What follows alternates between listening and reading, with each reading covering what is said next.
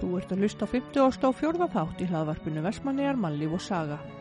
Þættirni byrtast á hverjum 50 degi á ir.net og einna á helstu hlaðvarpsveitum. Hægt er að fylgjast með hlaðvarpinu á Facebook og Instagram. Í dag ég ræða við Guðbjörgur Rún Gíðudóttur Vestmann. Gugga Rún, eins og hún er kölluð, ræðir við mig um fjölskylduna, æskuna, vinnuna, hvernig það kom til að hún flutti til Vestmannaeyja og margt margt fleira. Gugga Rún er fætt 30. janúar 1999. Í setni hluta þáttarins er lesin upp stutt saga úr fórum Árna Árnasonar símritara. Heimildir eru fengnar á heimasló.is. Þátturinn var tekin upp á Bjarmalandi í Vestmannegjum. Sæl og blessu Guðbjörg Rún Gíðudóttir Vestmann Sæl. og velkomin í hlaðvarpið. Já, takk fyrir það. Hver er Guðbjörg? Um, hún er rosalega falin professional einstaklingur. Já. En Gugga hins vegar er mjög bara aktív manneski held ég. Já. Gerir allt og mikið fyrir sitt eigið ágæti. En hvað kom til þess að þú flutti til Vestmanneja? Eh, Það var algjörst slis. Já. Það var alveg óvart. Um, sem sagt, eh, vor 2021, þá vantaði ég með sumavinnu og Ingun, þá kærasta mín, uh, bjó hérna í Vestmannaugum og ég bjó hjá mömminni í Reykjavík. Og ég ákvað bara að sækja vinnur á báðum stöðum. Hmm. Mér stærra netið sem þú kastar því mér líkur að þú fáir eitthvað. Mm -hmm. Og ég fekk bara vinnu hér. Ég ætlaði að vera hérna í þrjá mánu. Já.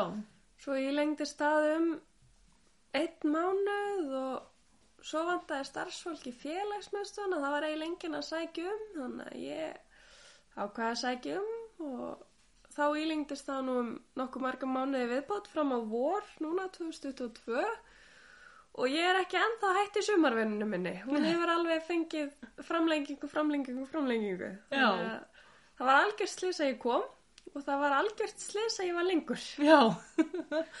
og hvað ert að vinna í sumarvinnunni innan Gæsalapa? Um, sumavinnan er skráð á bókasafnið en ég held að ég sé búið að yfirfæra mig á byggðasafnið. Ok. Ég vinn sem sagt upp í safnahúsi í teimi af þremur og við höfum sendt ymsum verkefnum aðalega varðandi það að flytja náttúrugripasafnið og flytja geimslu byggðasafsins og fara yfir skráningar og það er til dæmis heilt númerakerfi á nokkru munum sem er bara týnt. Það veit enginn hvað númerin þýða. Það er bara fullt af ykkurum númerum sem enginn veit hvað þýða. Æjæj. Þannig að við erum búin að vera... að skrána á Það vantar skrána á bakveða. Æjæjæj. Já, það er svolítið mikið æjæ. En við erum búin að vera að reyna að finna út úr því og samhæð þetta eru svo þrjú skráningakerfi. Það er gamla Mm. og nýja og týnda. Já. Við erum búin að vera að reyna að samhæfa þetta allt inn í eitt skráningakerfi og Guðrún sem að vinna með mér fór námskeið til þess að setja inn á sarpin og já eins og ég sagði það, þá erum við líka búin að vera að flytja náttúrugripasamnið Mhm. það er búin að tæma það hús núna. Það var alveg rosa vinna, við þurftum öll að fara námskeið í hvernig að pakka hérna, minnjum Já. og því er náttúrulega alveg sér þegar maður er að pakka svona dýramiðnjum og sumar með vangina úti og aðrir með hérna sundfit sem er náttúrulega rosalega viðkvæm og svona. Þurftum að þrýfa allt og lakka og pakka inn og frista fugglana og svona þannig að það fær engin skortir með. Mm því þetta er náttúrulega að fara niður á Life þar sem eru lifandi dýr þannig að það þurfti alveg að passa sérstaklega upp á að væri ekkert með Já. sem ekki átt að fara með. Alveg sem að hvort að það voru bakteríur eða pöttur eða hvað sko. Svo komst við að því að það var búið að eitra þarna skápana það er greinilega komið upp einhver patta eða sníkjudýr önnur. Mm. það var búið að eitra skápana þannig að við þurftum að vera í hönskum og með grímur og svona ýmislegt. Það kom líka ýmislegt í ljós þeir sem að hafa farið á náttúrugröfusafnið núna áður en það lokaði. Mm þeir muna kannski eftir steinasalum -hmm. Þar voru einhverjir hundruður af steinum alls konar alls konar steinar svo fórum við að tæma á bakvið þá kom í ljós að þar voru bara tölvert fleiri steinar í viðbót. Þetta eru sérst ekki einhverjur hundur, heldur er þetta yfir þúsund stykki. Já, Við erum ekki einu svona búin að fara í gegnum það allt. já, Það er bara búin að flytja það sem var í síningu, við erum búin að fara í gegnum það. Það sem var í gemslegu eftir að fara í gegnum. Þannig að það er ennþá svolítið í land þá að land sé komið. Já. Þannig að þú ert bara örugum vinnu í mörg ár þess vegna. Það er auðvitað að það þurfi fólki í þetta í ykkur ár. En við sjáum til hvað bærin er tilbúin að leggja peningum í þetta og hvað styrkir koma inn og svo leiðis. Já, En við erum allavega örugum vinnu fram á vor og líklega að fá það ykkur að sumarstyrki þó við þurfum að sækja um upp á nýtt Já, já. Þess- Ef að það kemur ykkur annar inn sem er hæfari eða svo leiðis þá getur verið að okkur verði skipt út. mhm. Við erum náttúrulega samt með reynslu sem að vinnur okkur í hag þannig að vonandi höfum við allavega öruga vinnu fram á næsta haust. já. Og finnst þetta skemmtilegt? Finnst að þetta er lúmst gaman. Já, skulum ekki segja að þetta sé beint út skemmtilegt. ok. En þetta er lúmst gaman. Það eru ótrúlegustu verkefni sem koma þarna upp. Og við höfum þurft að vera smiðir og uh, rannsóknarlaurugla og við höfum þurft að vera forlegafræðingar og jarðfræðingar og fuglafræðingar og fiskafræðingar. Já, Þannig að það er svona ímislegt sem að dagar upp á könnunni hjá okkur. hmm. Og stundum höfum við líka þurft að vera húsmaður frá 1700 og súrkál. Þannig að þetta er mjög skemmtilega, þetta er mjög fjölbreytt. Hmm. Það eru ótrúlegustu hluti sem við finnum og það eru svona skrýtnustu verkefni sem að koma upp í sambandi við þetta sem maður hefði ekki látið sér þetta í huga þyrft að gera fyrir þetta verkefni. Hmm. Þannig að þetta er svona lúmst skemmtilegt Já, og þegar maður er orðin þreyttur og pyrraður þá er alltaf hægt að skipta um gýr Mm. getur maður sagt, það er alltaf það mikið að gerast í einu og það er alltaf það mikil fjölbreytni í búði hverju sinni. Ef maður verður pyrraður eða þreyttur á einhverju ákveðnu þá getur maður bara tekið pásu þar og fært sig tíu skrif og sint því verkefni í smástund já, en að þetta er þetta er starf sem að maður verður sint þreyttur á. Já, mjög fjölbreytt og Já, og ótrúlegustu, ótrúlegustu hlutir sem að koma upp. Stundu setur maður bara og horfir á hvað hefur ekki hugmynd um hvað það er. Svo finnum maður númer og flettir því upp og bara kemur manni rosalega í opna sköldu hvað maður er búin að vera að finna. já, ímislegt snældur stólar og eitthvað sem er eldavél sem lítur ekkert út eins og eldavél og heflar sem að alls konar heflar frá sko fyrsta heflinum sem var örgulega fundin upp nokkuð tíman yfir í nýtiskulega hefla já, og svo mig þannig að það er ótrúlegt líka að sjá fyrir mig gegnum kassa heflum bara sjá framþróunina í hverju og einu. Og svo er náttúrulega sundarna sem er bara gæti maður ímynda sér að vera frá landnum svolítið því að það er svo riðgæð eða illa farið. Hmm. gaman að sjá hvernig forfeyður okkar fundu bara lausnir með alls konar verkverðum til að leta sér vinnuna sem í dag er bara gert með velum og maður pælir ekki í.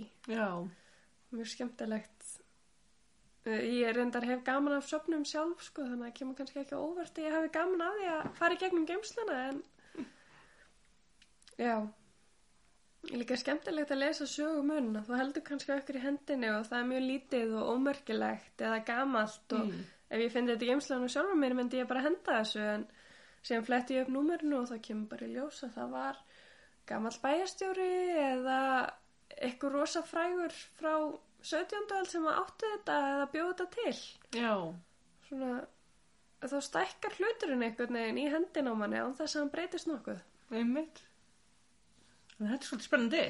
Þetta er mjög spennandi, mjög spennandi. Eða líka verður gaman að sjá þegar við erum búin að fara í gegnum þetta allt og það verður komin svona heildstæð skrá, sjá hvaða nýju sýningar verður hægt að setja upp af því að það er búið að finnast nóg í heila sýningu. Já, Það verður til dæmis mjög gaman að setja upp, við erum búin að finna ótrúlega mikið eldúsmunum, setja upp bara eldússýningu. mm. Það sem að við setjum upp öll þessi borð sem við erum búin að finna, við erum búin að följa fullt af bæði stofuborðum og borðstofuborðum annað sem við erum náttúrulega búið að taka í sundur til að koma betur fyrir gemslu Mm og borðbúnaði að setja bara upp borð hlið við hlið í tímaröð Já. til að sína svona hvernig það hefur breyst en á sama tíma ekki. Og svo fullt af eldavélum bæði mjög gömlum og nýjum. Svona, sem að er ekkert rosalega öðruvísi heldur en það sem er í dag. Já. en það eru líka sumar sem eru mjög gamlar og þurfti að kveikja upp í með við Mm þannig að það væri rosalega gaman Já. það verður svolítið skemmtilegt. já, gífulega Ég fór endur á safni Þískalandi og þar var svona, voru tímabilin sett upp já, er það ekki? og eldúsinni mitt. Já, líka dúkar og ýmislegt, alveg heimasaumaðir og svo keftir og ýmislegt. Það var líka búin að finna rosalega mikið að uh, landbúnaðarverkfærum og búnaði Já. og verkfærum. Það er gaman að raða upp, þú veist, og svo mynda af nútíma landbúnaði kannski í endan. Einmitt. Að sjá bara hvernig þróun hefur verið og á ekkert rosalega mörgum árum Mm. heldur. Einmitt. maður tengir einhvern veginn allt við innbyldinguna, þú veist, það er bara komið traktorar og það sé bara ekkert búið að breyta síðan traktorinu komið en það er ótrúlegastu hlutir sem hafa breyst gífulega síðan 1940. Já, algjörlega. En svona að þér, Já, uh, ertu fætt og uppalinn í Reykjavík eða? uh, nei, ég reyndar er fætt á landsbytalinum en ég eitti fyrstu árum æfinar á Bíldudal á Vestfjörðum. Ég er ættu á Vestfjörðum og síðan fluttist fóruldra minn til Reykjavíkur, ég fór í grunnskóla þar. Mm. En ég er vestfyrðingur einstenni. Já. Og hérna, áttu mörg sískinni eða? Ég á þrjú yngri sískinni Mm. en þau eru all hálfsískinni mín. Já. Þó að þetta hálfsískinni sé eitthvað sem hefur ekki verið í minni fjölskyldu. Þau eru bara sískinni mín. Það er Já. eitthvað sem við vorum alveg upp með. Einmitt. Sískinni er sískinni alveg sama nákvæmlega hvernig sískinni. Já. Sem að var mjög jákvætt fyrir okkur öll. Eða minnst okkur mig. Ég veit svo sem ekki hvað þeim finnst. Já. En já, ég á sérst að þrjú yngri sískinni. Tvær sýstur og eitt bróður. Já. Hvernig fannst þér að koma til eiga? Það var tölvar breyting frá Reykjavík en samt breyting í rétta átt. Mm. Ég hef aldrei sómað mér í Reykjavík. Það var allt og mikið af fólki og allt og stórt svæði og Mm. allt og mikið stress. Hérna get ég bara labbað út um allt. Maður fyrir kannski á bílum með maður að fara út í búð til að þurfa ekki að halda á allu en rosa hendu þetta geta bara labbað allt. Mm. Hvernig fannst þér samfélagi taka þér? Samfélagi fannst mér taka mér bara ótrúlega vel. Mhm. Ég er náttúrulega kemingað á kærustu þannig að það eru náttúrulega mikið að tengingum. Hún á fjölskyldu hér og hefur unnið á ymsum stöðum þannig að það þekkja allir alla. Mm. Þannig ég var, það var mjög fljótt verið að taka við mér sem hluti af þeirra fjölskyldu sem Já. er mjög skemmtilegt. Einmitt. En hérna, hvernig barn og ólingu varst þú? Uh, ég var rosalega orku mikið bann Mm. og ég var rosalega óþekkur úlingur. Og hvernig fluttur þú til Reykjavíkur? Um, það var eitthvað tíman á leikskóla aldrinum, ég veit ekki nákvæmlega hvenar. En ég samt farin að muna eftir mér vegna þess að ég er með minningar frá Bíldudal. Já. En ég man ekki nákvæmlega hvenar. Það var þegar fólkdar mín skildu. Já. Hvernig, hérna, hvernig var aðlast upp í Reykjavík? Uh, það var misgott. Mm. Það var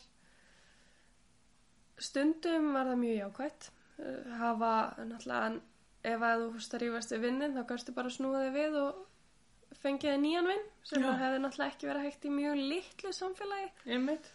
en og líka einmitt þessum að fóröldrar mínu voru ekki saman ef það hefði eitthvað tíma verið virkilegt vandamál það hefði ekki verið stórmál að láta mig skipta um skóla sem að kannski hefði verið að þú hefði þurft að skipta um skóla og fór enn að bæjarfélag. Já. En Það var náttúrulega líka gífulegar hættur sem að fylgdu því að vera í Reykjavík. Það er mikið að stórum umfyrðagötum og það er auðveldra aðgengi að svona því sem að leiðir þig út af beinubrautinni Mm og ég, það, þú fannst alveg fyrir því þú áttir því ekki á því fyrir nú ert orðin fullorðin kannski Mm. en ég á vinkonur sem að voru átti þá þekkjar ekki lengur í dag en þær voru byrjaðar að reykja í undirgöngunum þegar við vorum 12 og 13 ára Já. svona ýmislegt sem að já, var kannski dekri hliðin.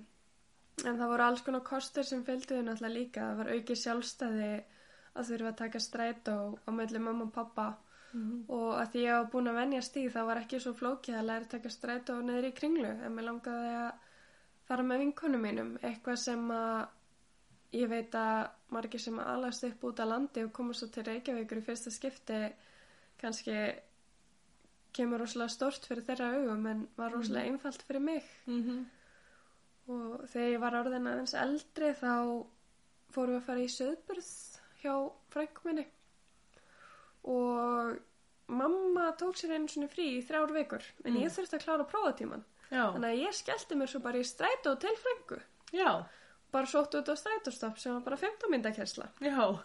þannig að það var svona ýmislegt jákvætt en líka ýmislegt neikvætt. En ég vil oft meina að ég sé að besta að báðum heimum vegna þess að ég eitti mest allum sumrum fyrir vestan. Já. á sama tíma og einmitt fer í söðburð og smala og kjötvinnslu alveg bara frá því að ég var mjög lítill, alltaf vestur.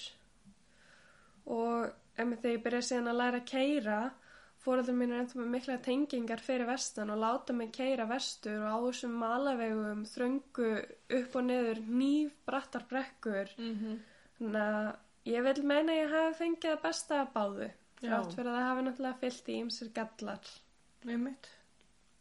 En hvað hérna, finnst þú að hafa grætt eitthvað á því að hafa alist upp í Reykjavík? Það er náttúrulega eins og ég sagði þann, það er náttúrulega grættið þetta sjálfstæði mjög snemma í lífinu. Já.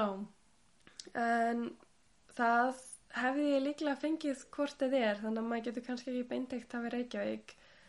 En nei, svona almennt þá held ég að þú græðir ekkert meira á því að alast upp þar heldur en þú græðir annar staðar. Mm. Nema náttúrulega það að þú kannski byrjar að vinna aðeins fyrra því að það er meiri hægt að, það er meiri tækifæri fyrir Já. unga krakka að vinna fleiri veitingastæðir sem að taka við yngri krökkum og náttúrulega bæjavinnan alltaf en á sama tíma þá er bara önnur tækifæri fyrir þá sem að búa á þetta landi, kannski vinna í sveit eða svoleiðis. Já. Ég held að sé svo sem það er bara mjög ólíkir heimar Mm. og snúist ekki um hvað þú græðir heldur hvaða tækifæri þú nýtið þér. Já, mitt. En hvað finnst þér einkenna fólki sem er frá eigum? Það er sem einnkynna fólki frá eigum. Ég hugsa að það sé sameiginleg andúð á herjálfi, uh, gífurlegur spenningur fyrir þjóðháttíð á sama tíma og óbeitt á gestum á þjóðháttíð.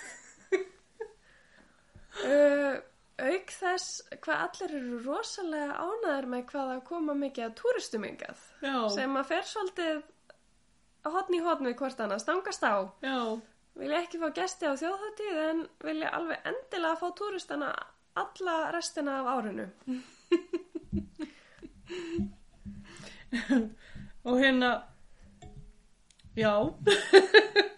Eh, þið, þið búið yfir ákveðinni útsjónasemi sem mér finnst mjög skemmtileg Já. Er, ég hef aldrei heyrt þennan vingil, þannig að þetta er svolítið skemmtilegt að heyra. Já, er það ekki? En hvernig upplifir þú samfélagi hérna? Ég upplifi þetta samfélag mjög skemmtilegan hátt að ber mjög svona hotsteina smábæja samfélags. Þetta er náttúrulega bara 4000 manna bæir þannig að það kemur kannski ekki óvart.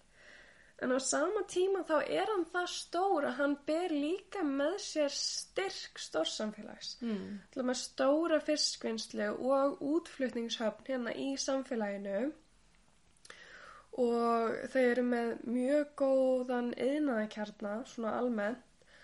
Eh, Það er mjög lítið sem að þarf að sækja út fyrir eiguna nema þá kannski bara, þú veist, húsgögn eða svona stærri vöru sem er ekki mikil verslun á. Mm Um, þannig að það ber í rauninni þetta samfélagi er mjög skemmtilegt af því leitinu til að það ber svona helstu kjarna smábæðarsamfélags á sama tíma og það hefur helstu styrki stærri samfélaga. Mm. Rágætis atvinnutækifæri hérna og nóg að gera í útflutningi hefur ekki tekið mikið högg vegna COVID af því að það er mjög sterk fiskvinnsla. Mm Uh, mjög skemmtilegt samt hvað allir þekkja alla og allir eru tilbúinir að spjalla við alla því að það er einhver tenging einhver staðar. Mm. Bara mjög jákvæmt svona samleikt samfélag. Það er eins og mjög margar búðir eru lokaður með 12 og 1 því að allir fara í hátdeismat þá. Mm. Það er ekkert verið að eitthvað hafa opið. Þú fer bara í hátdeismat Já. á þínum hátdeismat að tíma.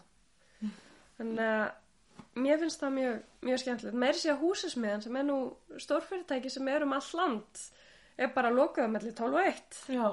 Ég, ég er mjög hrifin. Mjög hrifin af því. Það er svona rólindi sem fylgir Mm. bænum þrátt fyrir að hann sé ekkert allt og lítill. Ég mynd. Hvað hérna, hvað komið mest á óvart? Hvað komið mest á óvart? Ha, það er mjög góð spurning. Það var margt nefnilega sem kom mér á óvart. Mm. Ég hugsa að það sem hafi komið mér mest á óvart hafi verið hvað eigin er stór. Ég hefði aldrei giskað að þetta væri fjóðustmána bæðir fyrir en eitthvað saði mér það. Það Mm. kom mér gífulega óvart. Um, þegar þú horfir á bæinn þá heldur að þú getur labbaðan þvers og kruss á kannski 20 myndum en þú ætlar að labba hringin í kringum allan bæinn þá tekur það þig örglega klukkutíma Mm. þú ferð bara frá höfninu og utan um allan bæinn. Ég held að það komur óvart hvað samfélagið er í raun og veru stórt þrátt fyrir að vera náttúrulega bær, lítill bær Já. út af landi. En eigin er náttúrulega gífulega fallegt, fallegt svæði, til dæmis fyrir útivist, fyrir mikið með hundana, bæði hundin hennar yngunar og skottu, hundur sem að Kristbergur á, förum stundum með hana með okkur. Mm. Það er bara hægt að fara út um allt gífulega fallegt útvistasvæði. Hundasvæði er líka stórt. Einstaklega bara skemmtilegt svæði hérna allt í kring. Maður hefði, fyrst það var gos 73, Mm það væri kannski bara allt í grjóti og raunni en það er ekki þannig. Það er gífulega fallegt svæði hérna fyrir utan bæin sem er hægt að nýta fyrir útvist. Það Mm. kom mér á óvart. Ég hefði haldið að þetta væri meira bara svona raun Já. og smá músi kannski en Já. það er bara alls ekki þannig. Hvað kom meira á óvart?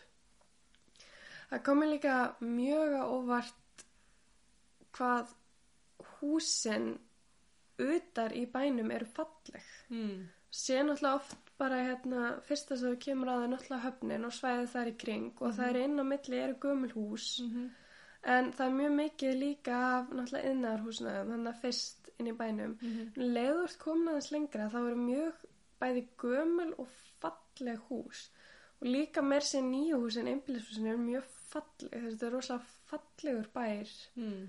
en það er alls ekki það fyrsta sem þú sér sem kemur inn í höfnina, það er einmitt. höfn, eh, bærin snýr öfugt ef þú ætlar að hafa fallega hlutan við bryggjuna þá þurftur að snúa bænum við 180 gráður Já.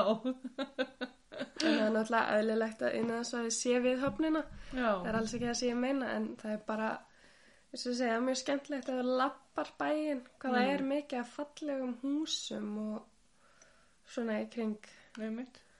það komi líka óvart þegar ég komst að því að það voru 4000 manns hérna sem Mm. alltaf tölver stærð að samt sem áður þekki allir alla sem maður hefði haldið að það væri kannski aðeins minna af tengingum fyrst að bærin er í alvörinu svona stór Já. en nei nei, það var ekki þannig Getur hugsaður að búa hérna bara til frambúar? kannski ekki alveg til frambúðar en alveg næstu ár Mm. það fer mögulega eftir þróun samfélagsins og þróun samgangna Mm. ef að það er haldið áfram í það sem að ég tel í mínum sjálfsöldsku huga Mm vera rétt átt þá geti ég kannski hugsa mér að búa hérna til frambúðar Já. en eins og staðan er í dag ef ekkert myndi breytast þá erum maður kannski að horfa á fimm ár áður en að maður myndi flytja Mm E, eru þið að lendi í ykkur áreitni gagvart kynnið?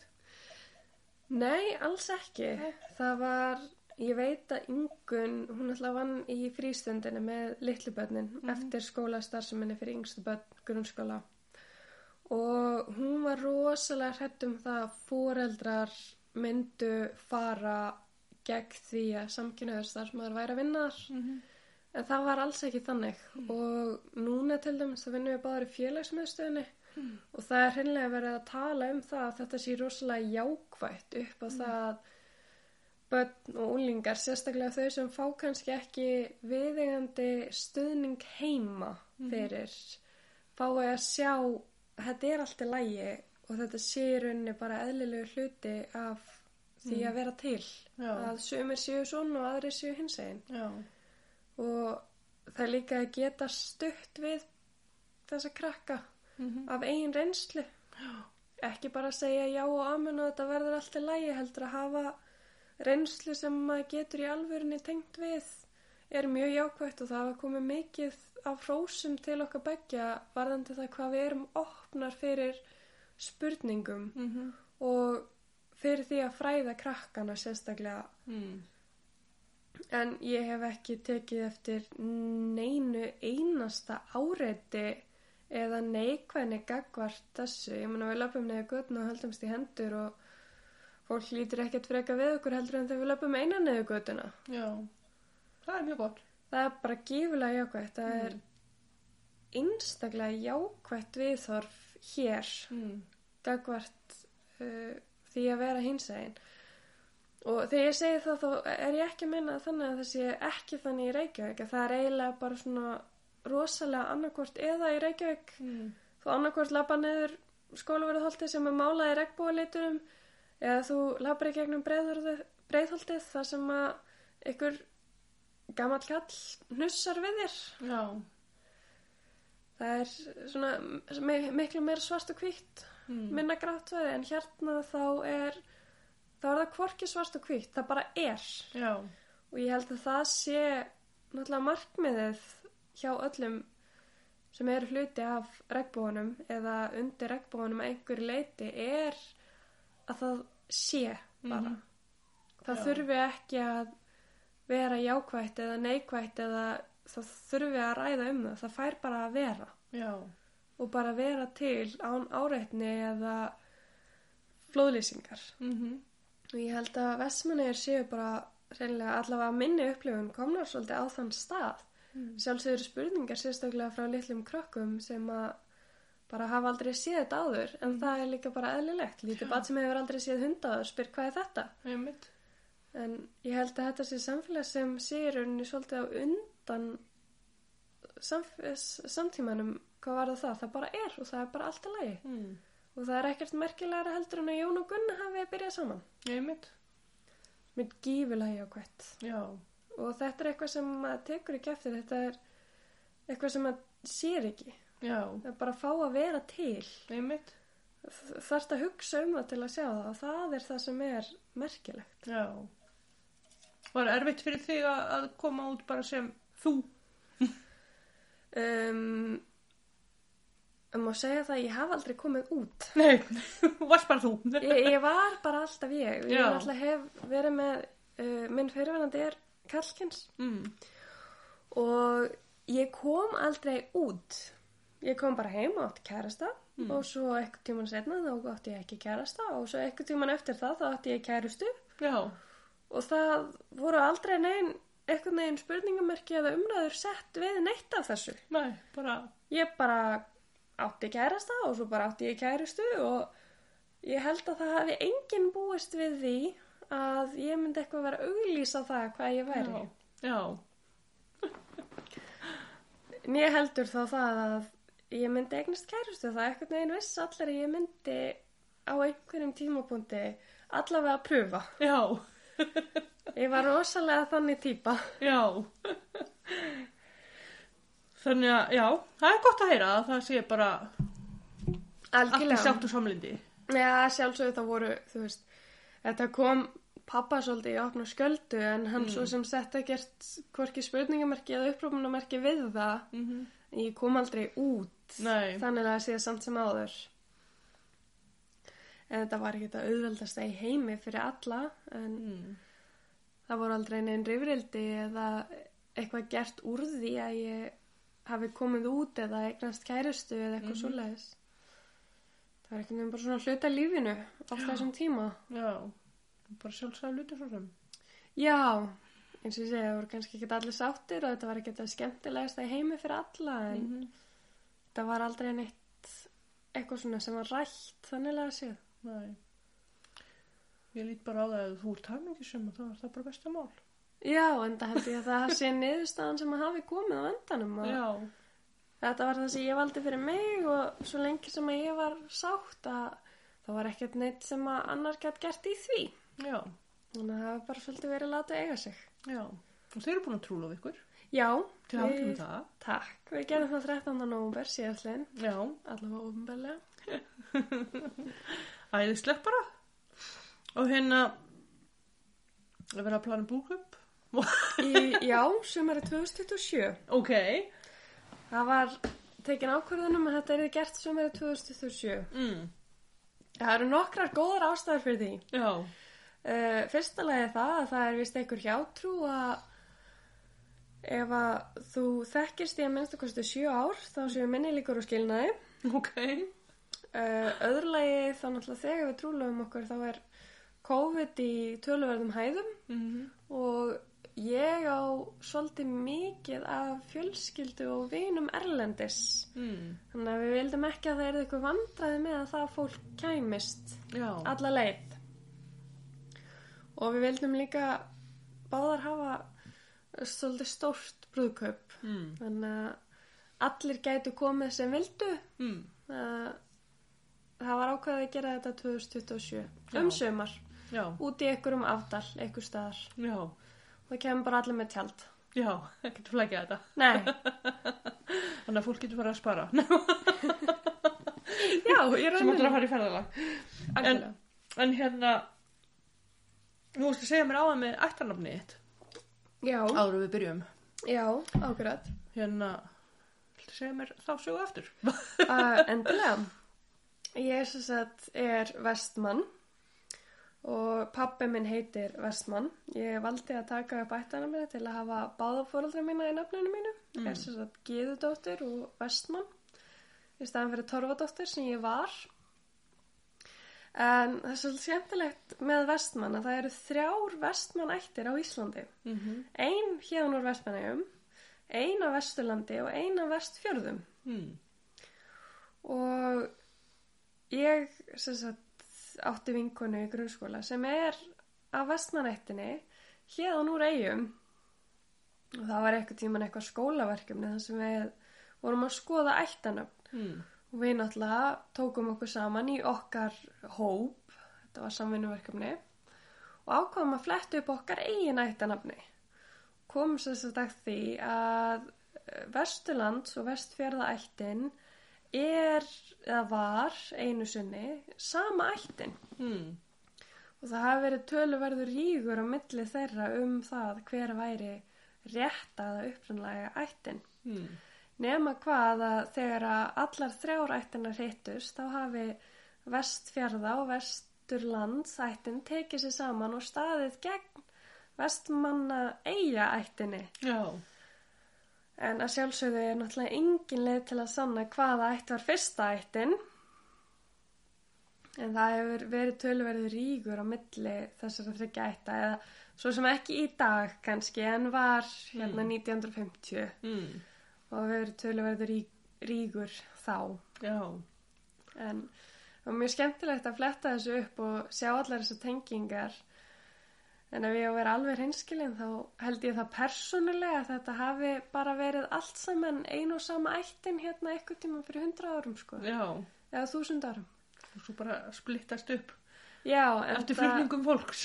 að sjálfsögðu, en það eru sko mitt ættanab til dæmis er örgulega annarkvort 12 eða 14, 14. kynsluðar ég, þegar ég fletti þessu upp þá fann ég allavega það margar sko Mm. þannig að þetta er orðið það gamalt að það er engar eh, raunhæfar heimildir fyrir neinum uppruna lengur Ég mynd. og einhverjum tíma var þetta öruglega bara viðnöfni líka Já. áður en þetta var ættanafn einhvers Mm þannig að það er svo sem ekki hægt að sanna neitt í þessu öllu saman. Þessir hvað myndum maður að segja rumors eða sagt, uh, flökkusögur um þennan rík á milli þessara þryggja ætta. Voru mjög skemmtilegu uppgöðun og það var mikil hleyið þegar við kynntum verkefni okkar fyrir saman. Það var mjög skemmtilegt. Já.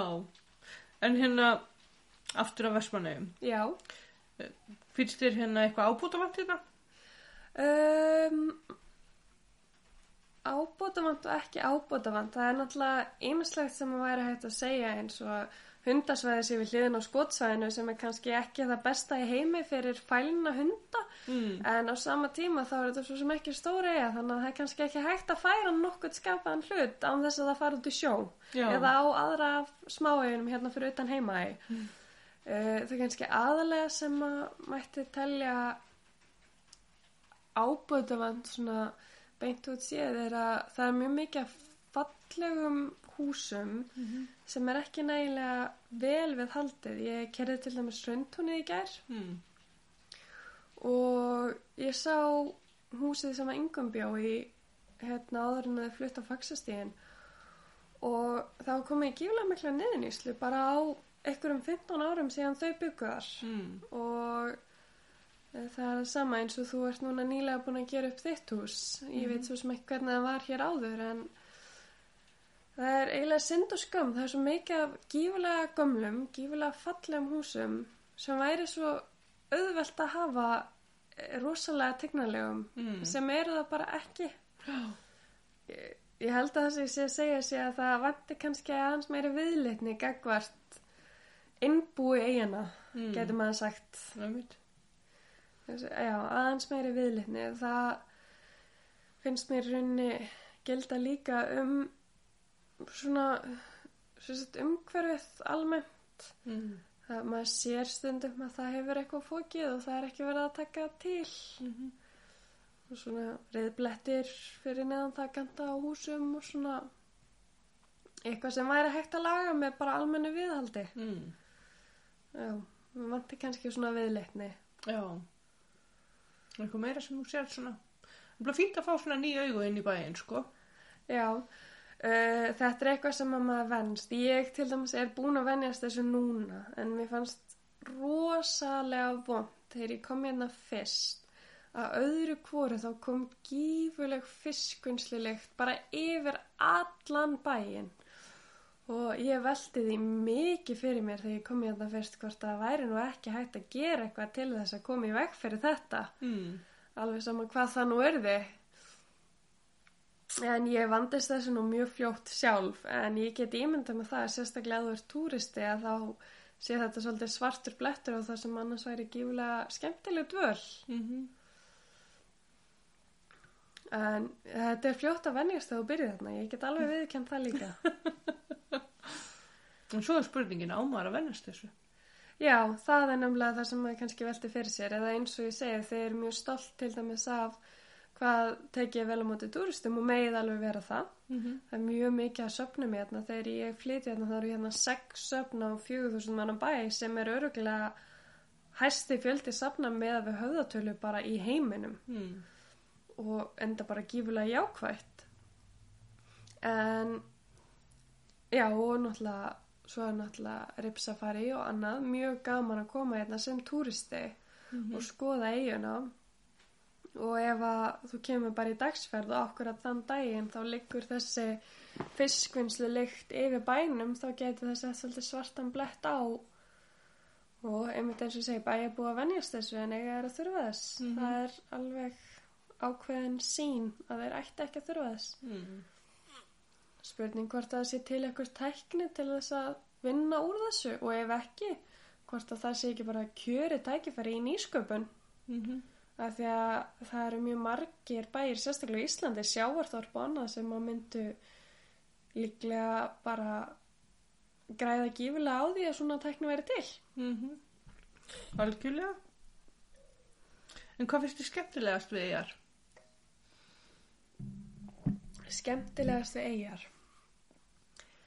Þetta er erfið spurning það er náttúrulega þegar þú hefur búið í Reykjavík og þér leiðist og getur bara hoppað í bíó Mm. eða svo leiðis þá er svolítið viðbreyði að koma í bæ það sem er bíó hvað eins og í viku tvísvar Ég bara er ekki alveg með á hreinu.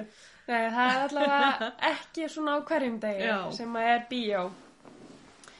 Um, en skemmtilegast, ég hugsa að það sé, svona fyrir barniði sjálfur mér þá myndi ég að segja að það sé stakk á útvistasvæði hérna í miðjum bæ fyrir barnin. Mm. En annars er þau með alveg stórkostlega sundlag, geðveikt sundlag Mm. Hún er stór og mjög flott, það er bara frábært íþróðahús Mm. með við hvað bærin er sagt, út úr leið, getur við sagt. Þá er bara frábært íþróðahús hérna, mjög gaman að fara sund.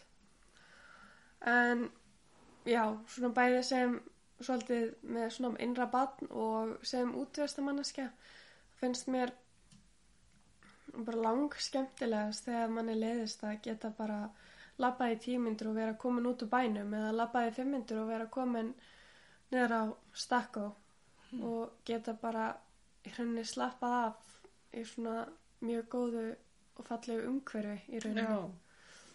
En annars er íþrótahúsið og hopp í sund bara algjörlega frábært líka. Ok. Hvað finnst þið leiðilegast við er? Mm, ég er rosalega kvatis manneskja, Mhm. svona almennt. Ég held að það sem finnst leiðilegast er að ég get ekki látið mig detta í hug kljóðan 2 nóttu til að fara í heimsókn eða skjótast norður og lagt bara af stað. Ég þarf alltaf að býða eftir herjálfi. Já. En það er mjög persónulegt að því að ég er svo kvatis. Mm Ef að ég væri ekki kvatis þá væri þetta ekkert mál. Ég veit til dæmis að yngun hún er gífulega skiplögt, hún þarf alltaf að vita því að minnst á hverstu eina veiku helst lengur ef hún er að fara eitthvað -hmm. eða gera eitthvað. Þannig að þetta hendar henni mjög vel. Ég átti það til þegar ég bjó í Reykjavík og átti vinkonu sem bjó fyrir norðan. Mm. Látum við detta í hug kljóðan 2 á nóttu að skjótast í heimsókn til hennar að því ég var ekki að vinna daginn eftir og senda henni bara skilabóð, hei, erstu vakandi? Já, það er ekki að koma. Núna? Já, jú, jú, ok, ég ekki stað, var komin eftir fjóra tíma Já. og verið síðan komin kljóðan 6 um morgunin svo til háttegis, fengið okkur pítsu og setja svo að spjalla í nokkra tíma og fara svo heim um kvöldið. Já. En þetta er eitthvað sem þú gerir ekki hér því að þú þarfst alltaf að skipulegja þig í kringum herjólf og veðrið og svona Mm að sjálfsögðu þarfst að skipulegja í kringum veðrið á vetuna á Íslandi alveg saman hvert þú ert að fara Já, já. og hlutaði að vera Íslandingur en það er svona minna þegar þú býrð á meginlandinu Mm. getur maður sagt Hérna, ertu með ykkur hugmynd til þess að efla samfélagi í eigum? Efla samfélagið í eigum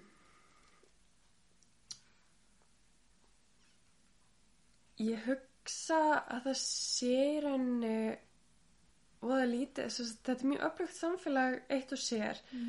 Það er mögulega kannski ef það væri, væri betri félagsstarfsmenn starfsemi þegar þú ert komin upp á grunnskóla. Já. Náttúrulega í grunnskóla þá erum við með frístund og svo félagsmiðstöðuna. Gífulega öfluga starfsemi er hvorum sig og íþróttastarfsemin í rauninni líka. IBFF er að standa sig frábælega vel. Þó IBFF ætti nú að viðkynna bæði karatefélagið og sundfélagið og fimmleikafélagið sem hluta af IBFF Mm. en ekki bara fótboltan og handboltan. Mm En það er annar mál. en það sem mér finnst í rauninni vanta sem ég gæti allt samfélagið í heild sinni væri ungmennuhús fyrir 16 til 25 ára og svo kannski eitthvað svona almenn félagsstarfsemi fyrir 25 ára eldri og eldri borgara félagsstarfsemi þá líka. Alveg sama hvort að það væri handavinnuklúpur eða biljartklúpur eða pílukastklúpur eða þú veist hvað það væri. Í rauninni efla félagslíf eftir grunnskóla árin bæði fyrir þá ungmenni sem er náttúrulega sérstaklega mikilvægt upp á að þau fall ekki inn á rangabraut. -hmm. og síðan hins vegar fyrir bara fullorna að það sé ekki bara þú og vinniðinir heldur að sé eitthvað sem að geti tekið þátt í. Ef að þú hefur kannski ekki átt ekki rosalega marga vinni eða ert nýlega fluttur og þarft að eignast vinni eða eitthvað svoleiðis Já. það vanti í rauninni þú veist að efla þessi félagstar sem gæti þá líka eld, sagt, uh, aukið undir að bjóða fólk velkomi sem er nýlega flutt Mm -hmm. það sé í rauninni svona, já, mér finnst það fyrst að efla félagstar sem það náttúrulega er búið, sagt, skólanir eru mjög sterkir Mm -hmm. félagstar sem er ungmenna, mjög gífilega flott og svona atvinnulífið stendur sér vel Mhm. og er að reyna að standa sér betur sem að er náttúrulega bara frábært Já.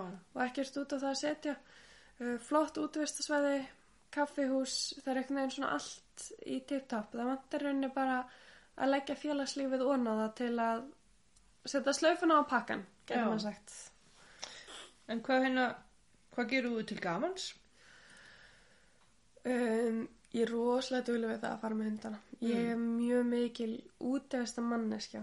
En annars spila ég líka á gítar. Mm. Ég geri það oft svona til þess að um, ef ég hef svona auka tíma. Ég les mjög mikið. Já. Um, og vinn svona allskinn samdöfinu alveg sem að hvort það er að hekla eða prjóna eða sauma út. Já, ok. Og reyna líka mála ég svona miniature fantasíu fígurur. Ok. Gífilega skemmtilegt. Mm.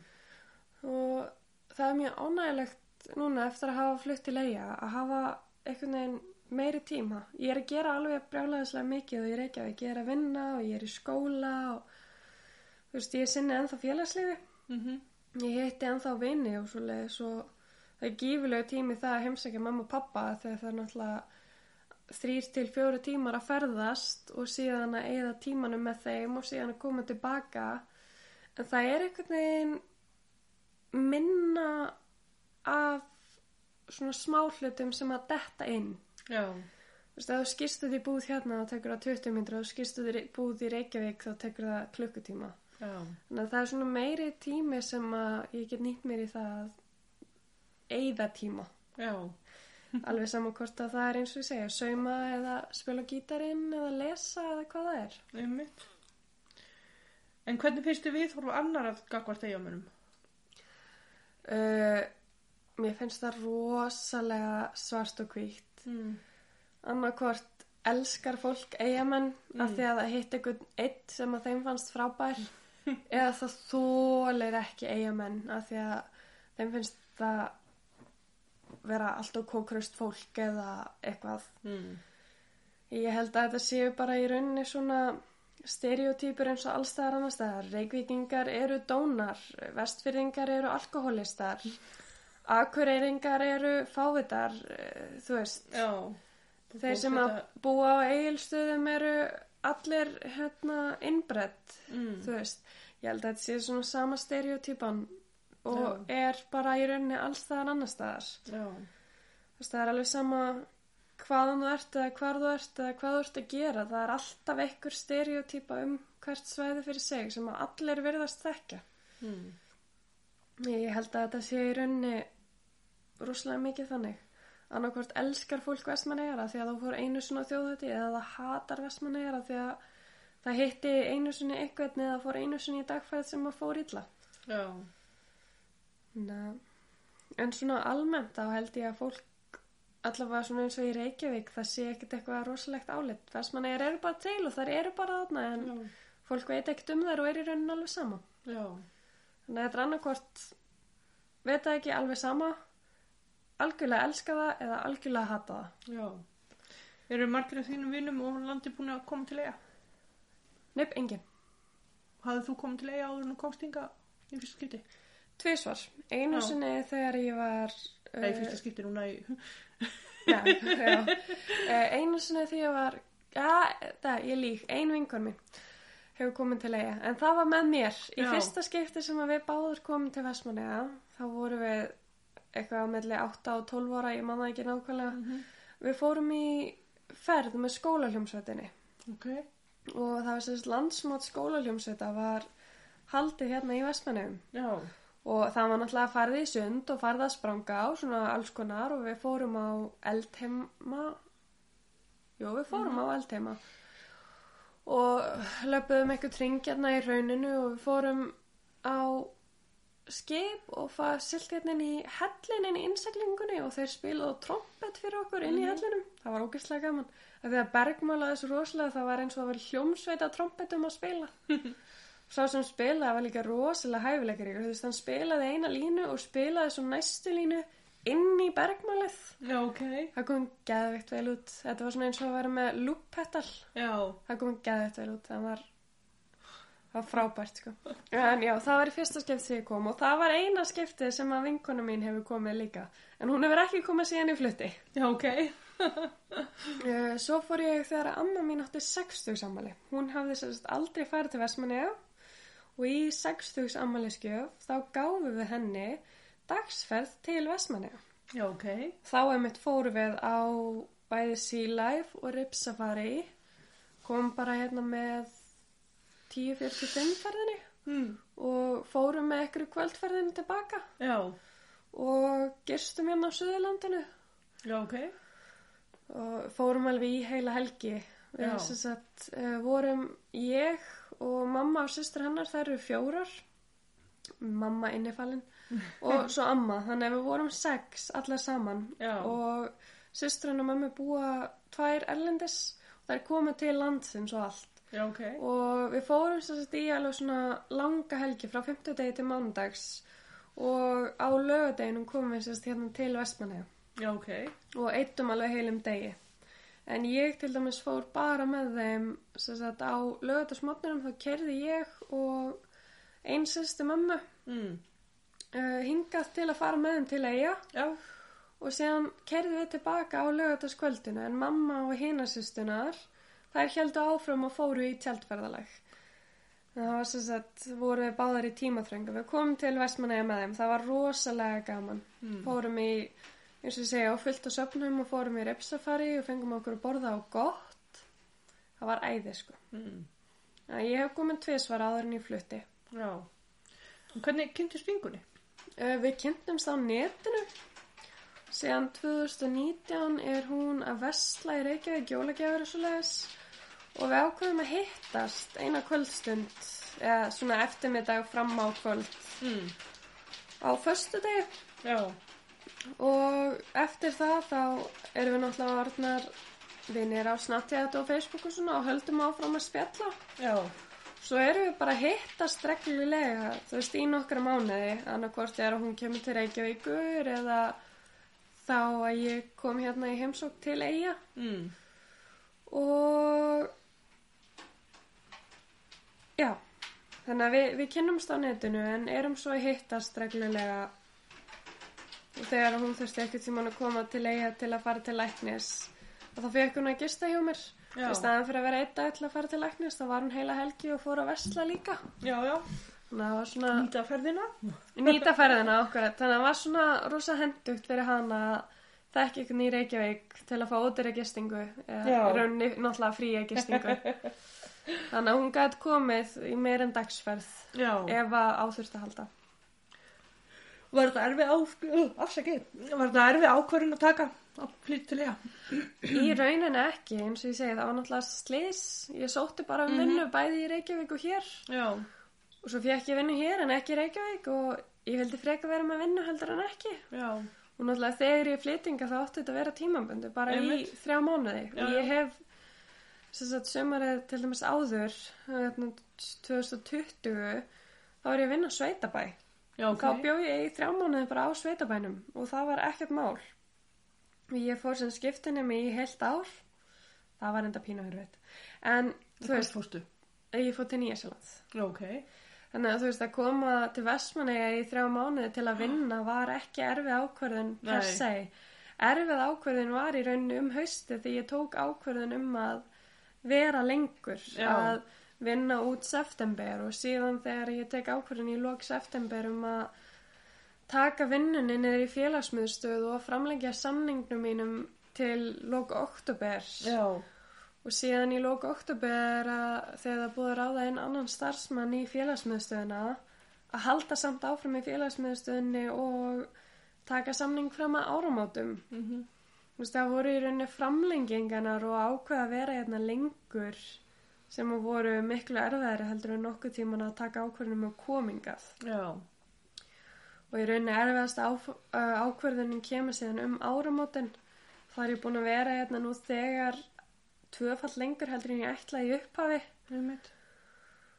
Og þá þurfti ég í rauninni að taka ákverðun um að flytingað og flytja þá lögheimili og annað með og það var erfið ákverðun. Það var svona, þú veist að meðan ég flytti ekki lögheimili með, þá var það bara, æ, þetta eru bara nokkur mánuður, æ, þetta er bara rétt á meðan ég er að vinna upp samningi minn. Já.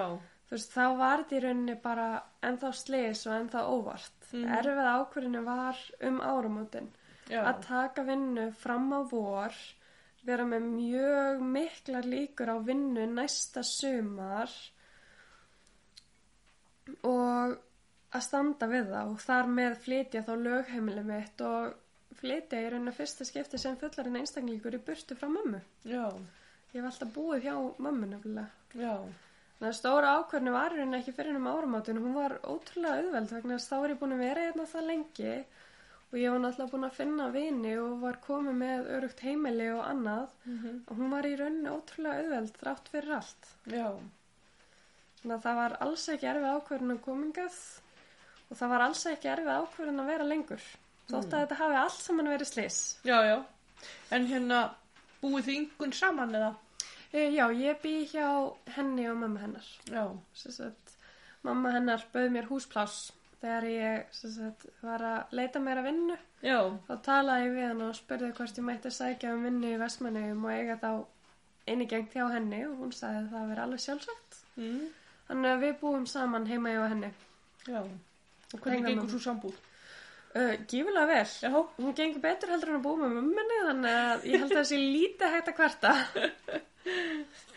En ertu prakkari? Uh, algjörlega, ég er rosa mikill prakkari. Já. Hvað er stæðsta prakkarastriki sem þú hefur gert? Uh, svona staðasta prakkaristrygg sem ég hef nokkuð tíman gert. Mm. Um, ætli það sé ekki ættamátið 2012. Þá tóku við úlinganir okkur öll saman og fullarðan fólki var náttúrulega allt draugfullt inn í Mm. partítjaldinu og við ættum alltaf að fara að sofa. Já. Við ætlum svo sannlega ekki að hlýða ykkur fullu fólki. Þannig við tókum okkur öll saman og fórum inn í eitt tjaldvagnin sem var tómur og við gerðum alls konar af okkur eins og að smakka áfengi og svona ýmislegt. Og hvað voru þið komin hérna? Uh, Þarna var ég 13 ára, ég var ekki yngst og ég var ekki elst. Við Nei. vorum svona frá 12 og upp í uh, 16 Já. og þetta var allt náttúrulega frændsískinni og svo leiðis. Veinið. Þannig að það voru svo sem engin kynferðislega skammastri gerði af sér Nei. en það var ímislegt annað gerst af sér og síðan þegar þeir sem áttu tjaldvegnin ætlaði að fara að sofa þá stungum við okkur út og fórum bara í gönguferð og við enduðum upp á einhverju fjalli svo komstu að því daginn eftir að það var sendt út leitarparti á eftir okkur en leitarpartíið var allt svo fullt að þau enduðu sofandi inn á tjaldsvæðin í bænum Já, já. fund okkur sko aldrei Nei. en enduðu í tjöldum eitthvað staðar á tjaldsvæðinu inn í bænum við vorum sérst á túnni einum dal fyrir utan bæin Já. en ég held að það sé svona stærsta prakkarastriki var að nýta mér það á samt fransískinu mínum að allt fullarna fólkið var draugfullt til þess að gera allt sem við máttum ekki gera sem eins og ég segja var meðal annars það að drekka áfengi Já. og einhver sem voru orðnir 16 ára og komna með æfingarækstur en ekki bílpróf settust undir stýri og svona Já, ok. ekki það, sá sem settist undir stýri var ekki búinn að fá sér í glas Nei, nei. þegar hann settist undir stýri hann fekk Já. sér í glas setnum kvöldið samt Já. Það er bara allt farið úr böndunum þannig. að algjörlega við gerðum líka, við hoppuðum líka í sjóin á bryggjunni og svona ýmislegt það var mjög gaman hjá okkur sko Já. Þetta var, já, ég held að þetta hafi ári, verið árið sem að við, svo mín kynnslóð af þessari ætt hafi verið hvað nánust. Já. En það er ég sko fjóruði ættleðurinn af þessari ætt sem að hittist þarna á þessu ættamóti. Mm. Þannig að það er svona byrjað að flosna upp úr minni kynnslóð. Við erum orðið það mörg, við erum orðið 300 og eitthvað. Já, ok. Þannig að það er svona byrjað aðeins að flosna upp úr tengingunum. Já. Náttúrulega afi með fyllilegar tengingar við sískinni sín og mamma þar að leiðandi við náttúrulega börn sískina afa Mhm. svo byrjar að flosna upp úr svona í mínum ætli þá er þetta orðið barnabönnin Já. og í sumum tilfellum langa ömmu og langa langa ömmu og afa bönnin Já, ok. Þannig að ég er svona ætliðurinn sem byrjar að flosna svolítið upp úr. Já, en þannig að þetta ár þá hefði aldrei verið hægt að giska á það já. Þetta var svona reynsla sem að við fransískinn nefum sameilega sem að var gífulega skemmtileg sko. Mm. og þetta var ég treysti þeim öllum fyllilega. Og þarna á svæðinum voru náttúrulega restin af fjölskyldinu minni sem að passaði upp á mig. Mamma og sestur hennar og frænguminur og frændur sem voru orðin fullarðin þessi reynsla hjælt mér til dæmis frá því að fá mér að drekka þegar ég var svo 14 ára, þá var mér búið í partí Mm. og það partí fór svolítið úr böndunum en ég fekk mér ekki glas vegna þess að ég treysti engum í kringum mig Já. og ég var búin að pröfa það með fólki sem ég treysti Já. ég vissi hvað það var ég vissi að maður gæti ekki alveg treysta á sjálfa sig hvað þá aðra þegar maður var í glasi Mhm. og ákveða að fá mér ekki glas það kvöld Mm. sem að ég hefði örgulega gert ef ég hefði ekki átt þessa reynsla baki þannig Já. að haf mikið prakkarastryk og þetta var þá bjargaði það mér örgulega um helling á næstu árum og eftir Einmitt. þegar maður fór að fykta Já. En hvernig var lífið á Nýjasjólandi? mm. þar bjóð ég náttúrulega í Stórborg mér hefur alltaf fundist Reykjavík vera Stórborg þangall ég flutti til Okkland í Nýjasólandi Ok. núna finnst mér Reykjavík vera pínu lítill og þú kemst þó allavega enda til enda í Reykjavík á bíl á klukkutíma Já. þú gerir það ekki í Nýjasólandi Hei. Þetta er tölvert marga klukkutíma að fara frá enda til enda. Sérstaklega á háana tíma. Já. Um, Það er brjála haklir. það er bilað hægli lúti. um, það var rosalega gaman að upplifa lestarkerfi. Já.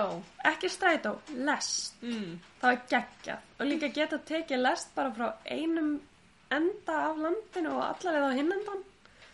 Ef það er eitthvað sem ég myndi bæta við á Íslandi frá Nýjasjöland þá var það lestarkerfi. Já, ok. Hún er alltaf á réttum tíma. Já. strætó er alltaf seinn þannig að já, ég myndi alveg segja að lestarkerfi hefði verið eitthvað sem ég hefði til, verið til í að taka með mér heim Mm. um, en þetta var náttúrulega allt annað þarna eru skólar vá Stóð kott. risa stór kott sko heyrðu, já, fyrirgjöðu uh, í Nýjasólandi þá eru sko skólar skólakerfið er náttúrulega allt öðruvísi uppsett Já. Fyrst ertu með það sem er kallað primary school og þar byrja krakkar 5 ára, ekki 6 ára. Og svo ertu með, og það er, já, það er fjögur ára nám. Svo ertu með intermediate school sem er bara tveggja ára nám. Mm. Og svo ertu með high school eða college sem er sama nám.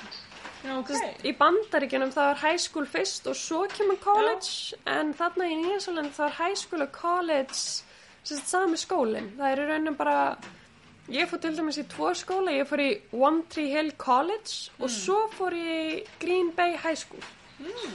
Þetta er sagt sama námstíð út í Nýjasólandi og Já. þar ertu um, 15 ára, 16 ára, 17 ára, 18 ára. Já. Og þú þarft ekki að vera 17 og 18 ára. Þú þarft bara í raunin að taka tvö ári í school en að þú ætlar að komast inn í háskóla sem er náttúrulega university þá þarft að taka 17 og 18 ára líka. En það var rosalega gaman. Þetta er náttúrulega allt önnur upplifun. Það hjálpaði mig gífilega með sjálfstæði. Og þó ég hafa alltaf átt vini þá var ég kannski ekki vina mörg eða nokkuð tíman hluti af vinsæli krokkunum en þannig að fara náttúrulega til Nýjæsulands og vera nýji krakkin það hjálpaði mér rosalega að læra að eignast vini á nýjum stað Já. En uh, það held ég hafi hjálpað mér líka þegar ég flutti náttúrulega hingað að geta eignast nýja vini á nýjum stað. Já. Og ég er ennþá í góðu sambandi við sagt, þetta fólk sem að er, ég kynntist þarna úti. Það er sem sagt, vinahópur minn sem eru Gabi, Kate og Sabine. Já. Það eru þrjár stelpur, við vorum sagt svona að gengja fjórum þegar við vorum alla saman. Mm.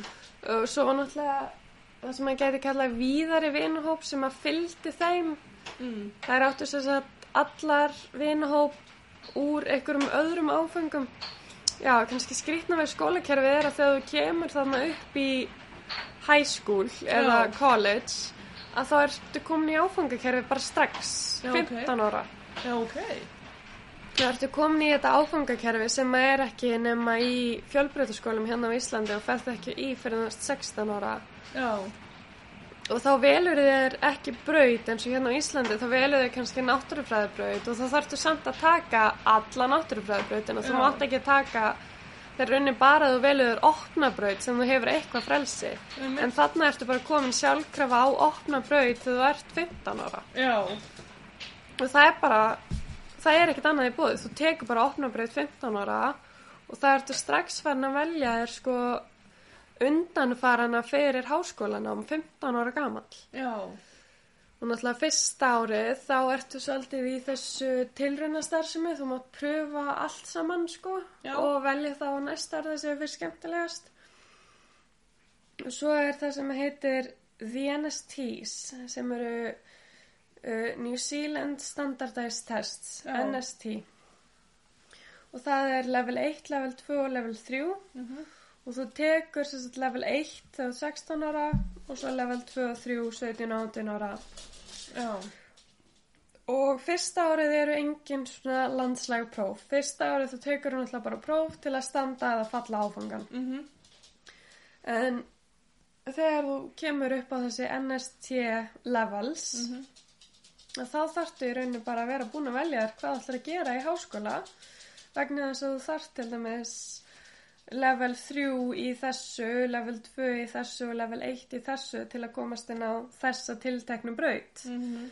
Og það er strax aðna á fyrsta árin í hæskúl þegar þú ert 15 ára að fara að kynna fyrir þér hvað þú hvað að fara í háskóla og kynna fyrir þér hvaða NST þú þarft til að komast inn á tiltekna brautir þarna strax í upphafi sko. Já. Og þetta er eitthvað sem er gert miklu, miklu fyrr. Já. Þarna úti heldur en hér. Það var líka rosalega fyndið að vera í skólabúning. Já. Það var svolítið viðbreytni. Já. Passa alltaf að þrýfa um helgar til að eiga hrein föt og aldrei að pæli í hverju það ætlaði að vera í vegna þess að þú varst alltaf í skólabúning. Já. Ert ekki að pæli í hverju það ætlaði að vera fyrir að það fórst út eftir skóla. Já. En það var líka, ég gerði rosa mikið, ég fór til dæmis í ljósmyndunar áfanga og leiklistar áfanga og dansáfanga og eitthvað sem ég hef aldrei gert hérna heima, skilur En að því að hérna heima hefði verið tímasóðan því ég hefði geta verið í ykkur sem að tengdist útskriftagraðanum minni. Já. En þarna úti var ég náttúrulega bara að leika mér, bara Já. að pröfa eitthvað nýtt Einmitt. og gerði með allt þetta sem ég hafði eitthvað smá áhuga á en myndi aldrei gera hérna heima Já. eða leggja fyrir mig í vinnu eða námi hérna heima. Einmitt. Það var rosalega gaman, það var rosalega mikil upplifun í rauninni. Já. Blundar í þér leikona eða dansari? Þetta var eins og sé, þetta var gífulega skemmtilegt og sem hobby þá myndi ég alveg segja, þú veist, ef það væri til dæmis hobby dansgrúpa fyrir fullortna, Já. ég myndi 100% skrá mig í hana. Já. Þú veist, alveg saman hvort það væri tíu skalla mánuði fyrir venjúinu, Já, skiluru. Og svo væri kannski þess vegna danssýning einu svona ári bara að því bara. Já. Jafnvel þó enginn myndi koma að horfa. Já. Þá myndi ég taka þátt, en þetta er ekki eitthvað sem ég myndi leggja fyrir mig. Ég myndi Nei. aldrei fara til dæmis í, hérna, Listaháskólan eða eitthvað svona. ég myndi aldrei Já. fyrir liskaafskólan, eða hvað heitir hann dansgrúpa Íslands, hvað heitir hann? bara dansskóla Íslands eða? Dansskóli Íslands, æ, ég man ekki hvað var. En þau eru alltaf með danssýningar einu svona ári og þau eru rosalega stíf. Þú þarft alltaf að mæta og það kostar rosa mikið að taka þátt, skiluru. Mhm. Mér finnst líka ógeðslega gaman að vera leikari. Það er ógeðslega gaman alveg sama þó að það sé 20 minna sýning sem er ekkert nema grín allan tíman. Mhm. Eða hvort það sé klukkutíma sýning sem er endur útgáfa af einhverju Shakespeare leikriti. Mér fannst þetta allt ógeðslega skemmtilegt þarna úti með Já. þeim. Já. Það var alveg þannig, þetta var ótrúlega gaman. Ég fekk líka að fara á baristanámskeið. Mm. Það var ógeðslega gaman. Við vorum bara að læra á espresso kaffiðilar og að gera kaffidrykki og alls konar sko. Já, ok. Þetta var ógeðslega gaman. Já. Þetta var rosalega mikil upplifun og þetta líka opnaði svo mikið svo að maður er svo eitthvað lítill og ómerkilegur hérna á Íslandi. Mér fullri verðingu fyrir öllum Íslandingum Mm. en ef að maður er alltaf bara í sínu eigin landi, ég er nokkuð vissum að þetta gildi hnattrænt Mm að það ámæður það til að e vera með svo lítinn skilning á stóra samhenginu og umheiminum og öðrum menningar heimum að mað, manni finnst þeir jafnvel bara að vera rángir af því að maður skilur það ekki Já.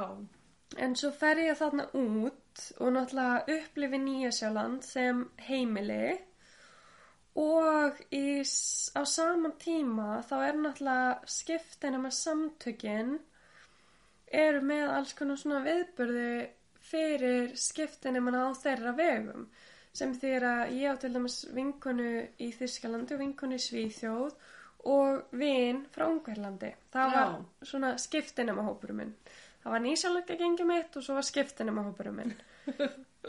Þannig að á sama tíma og ég var að upplifa Nýjasjáland þá var ég líka að upplifa þessi þrjú lönd að því að sjálfsögð eins og ég talaði um já það er svo skrítið að það sé bara til svona svona hérna eða Já. sushi sé svo ódýrt eða eitthvað sem að mér fannst ótrúlegt við Nýjasjáland Já.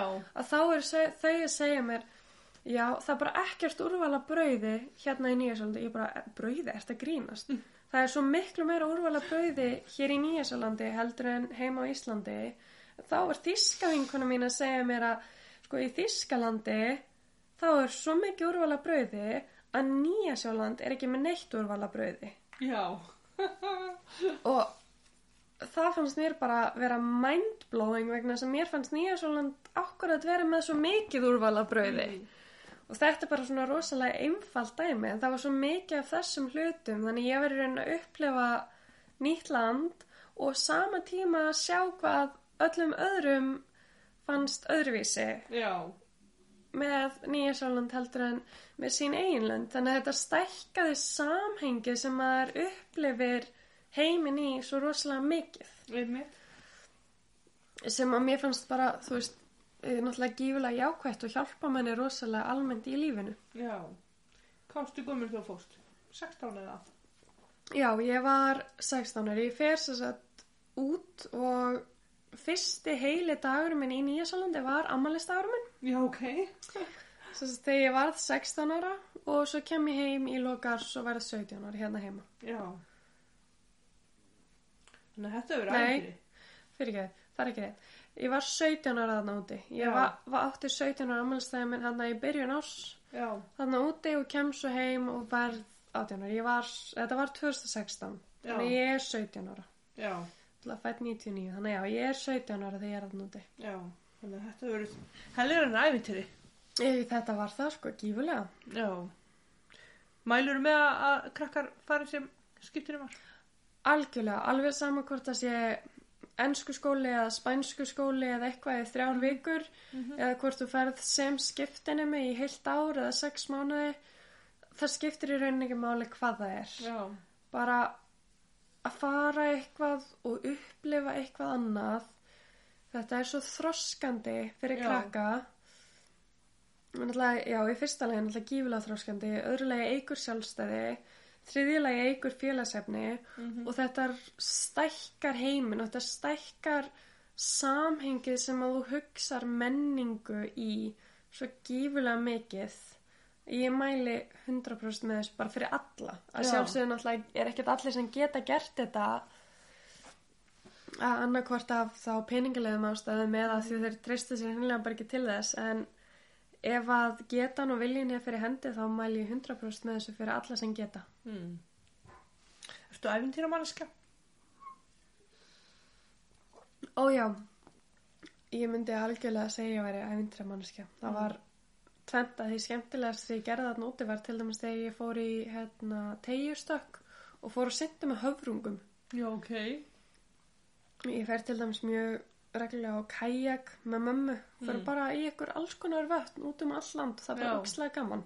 Þannig að ég er nokkuð vissum að bæði ég og flestir aðrir myndu flokka mig sem ævintræmannsku. Já. En hérna, já, ég er eiginlega bara upp í skopu með spurningar sko. Já, Það er bara virkilega gaman að spjalla við þig. já, takk hérlega, takk fyrir að hafa mig. Bara, takk fyrir að koma. Alveg sjálfsagt. Koma með svona nýja sín inn í, inn í hérna þættina. Og hérna, aldrei vita að mér fá pikk í þig. Þegar að, hvað segir maður, lengra líður á árið eða eitthvað, eða, eða hvort þú ert ennþá á eiginni, eða, Já, við bara sjáum til og bara alveg sjálfsagt. hmm, Endilega. bara takk kærlega fyrir komuna. Já, bara takk hérlega fyrir viðtalið, þetta var mjög skemmtilegt.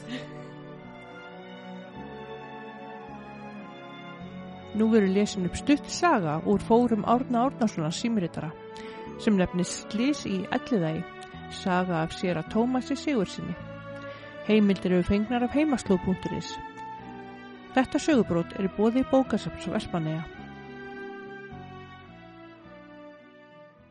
Úr fórum Árna Árnasonar, Slís í Elliðægi, saga af sér að Tómasi Sigursinni. Nokkrir menn hafa hrapað í útegjum sem þó hafa komist af á undraverðan hátt. Sem dæmi um það mætti setja hér eftirfarandi.